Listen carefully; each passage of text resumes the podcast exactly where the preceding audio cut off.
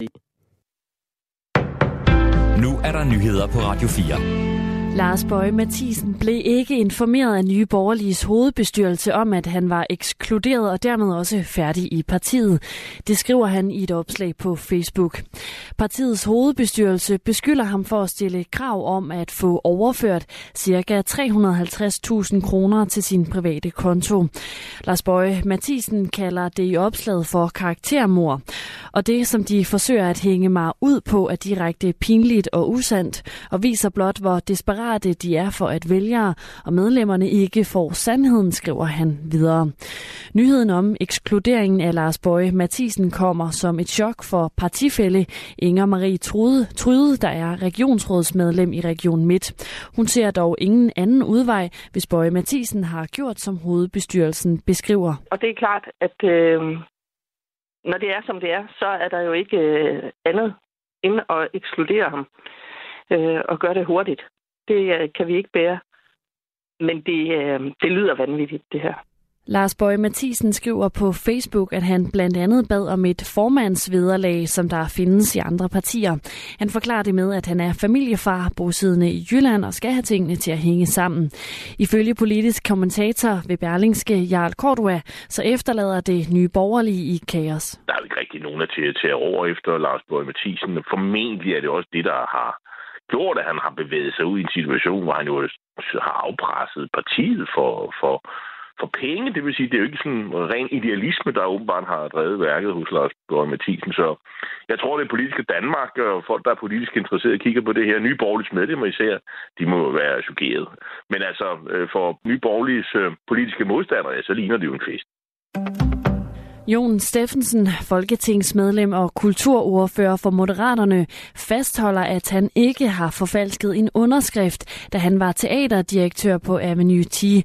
Det siger han til DR. En tidligere ansat på teatret har beskyldt Jon Steffensen for at forfalske et bestyrelsesmedlems underskrift tilbage i 2017. Ved hændelsen optog den anonyme medarbejder angiveligt en lydoptagelse, som efterfølgende er blevet offentliggjort. Overfor for DR fastholder Jon Steffensen dog, at han ikke har gjort noget forkert. Jeg har ikke forfalsket en underskrift, og jeg har ikke mere at sige. Den slags skal afgøres i retten, hvor lydfilen skal evalueres og lægges frem. Det håber jeg, I har respekt for, siger Jon Steffensen. Tirsdag kunne TV2 fortælle, hvordan en række tidligere kollegaer anklager Jon Steffensen for ubehagelig og grænseoverskridende adfærd i sin tid som teaterdirektør. Og onsdag gav Steffensen en uforbeholden undskyldning til skuespillere og ansatte, som har oplevet hans adfærd som grænseoverskridende. Otte personer blev dræbt i forbindelse med torsdagens skudepisode i Hamburg.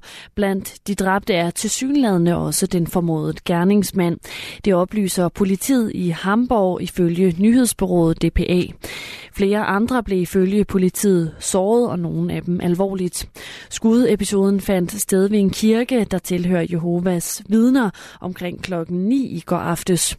Politiet har på nuværende tidspunkt ikke har på nuværende tidspunkt ikke peget på et muligt motiv, men har oplyst, at man regner med, at en enkelt gerningsmand står bag. Hvordan den formodet gerningsmand er omkommet, står dog ikke klart. Den tyske kansler Olaf Scholz sender sine tanker til offrene for skudepisoden. Mine tanker er med offrene og deres familier og med sikkerhedsstyrkerne, der stod over for en svær aktion, skriver han her til morgen på Twitter. Noget tyder på, at ledigheden voksede med 1000 personer i februar. Det viser en tidlig indikator fra Danmarks Statistik. Stigningen dækker over, at der er 1300 flere på dagpenge, mens der er 300 flere på kontanthjælp. Og hvis indikatoren holder stik, så vil det være fjerde måned, at antallet af ledige stiger. Det ser ud til, at dansk økonomi har sat tempoet ned, og så småt begynder at sætte sine spor i arbejdsmarkedet. Det skriver Brian Friis Helmer, der er privatøkonom hos Arbejdernes Landsbank i en analyse. Den højeste inflation i 40 år rammer hårdt på økonomien, og det slipper arbejdsmarkedet heller ikke udenom, skriver han.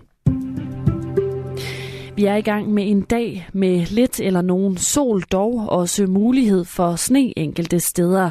Temperaturer mellem frysepunktet og 3 graders varme og svag til frisk vind. Det var nyhederne med